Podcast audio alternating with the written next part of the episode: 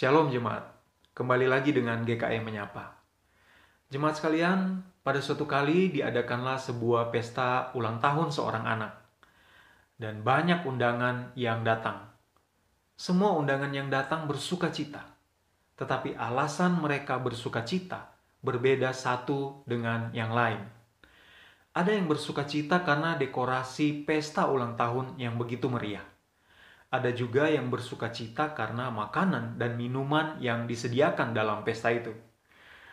Yang lain bersuka cita karena baru menerima uang tunjangan.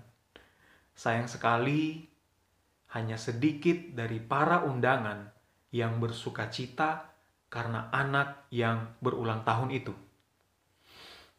Jemaat sekalian, Natal membuat kita bersuka cita. Tetapi apakah sukacita Natal yang kita rasakan sudah pada tempat yang seharusnya. Bukankah seharusnya kita bersuka cita karena bayi Yesus yang baru lahir itu? Mari kita lihat sukacita Natal dalam Alkitab. Jemaat sekalian, Lukas 2 ayat 11 berkata, Hari ini telah lahir bagimu Juru Selamat, Kristus, Tuhan di kota Daud. Tuhan Yesus telah lahir, dan pastinya kita bersuka cita. Tetapi apa sebaiknya yang membuat kita sebagai orang Kristen bersuka cita dalam Natal? Jemaat sekalian, dalam momen Natal, paling tidak kita bisa bersuka cita karena ketiga hal ini. Yang pertama, kita bersuka cita karena bayi Yesus lahir untuk mendamaikan kita dengan Allah. Pada waktu Adam dan Hawa berdosa, maka manusia bermusuhan dengan Allah.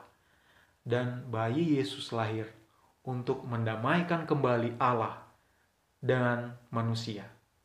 Yang kedua, kita bersuka cita karena bayi Yesus lahir untuk meniadakan jarak antara manusia dengan Allah.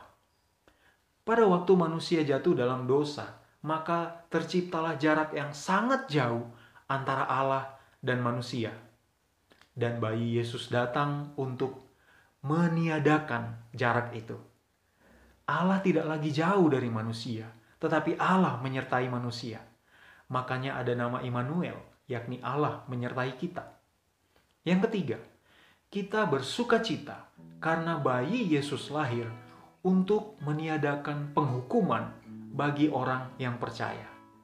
Kita tidak akan dihukum, kita akan diampuni dan diselamatkan.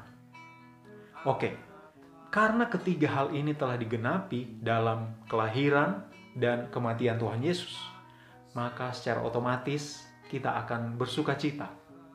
Kita akan bersuka cita karena telah diperdamaikan dengan Allah dan karena Allah sedang menyertai kita, juga karena kita telah diampuni, maka itulah sukacita Natal bagi kita. Jemaat sekalian, dalam momen Natal ini mungkin kita bersuka cita karena hiasan Natal yang indah dan meriah, makanan dan minuman yang enak, atau kita bersuka cita karena ada baju baru, THR, dan liburan yang akan tiba. Atau bahkan kita malah berduka cita di Natal ini karena kita baru kehilangan anggota keluarga. Atau saat ini kita sedang terpapar COVID.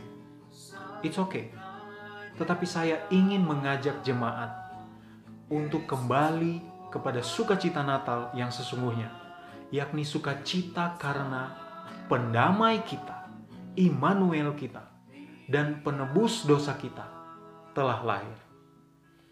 Mari bersukacita karena Yesus telah lahir. Tuhan memberkati kita.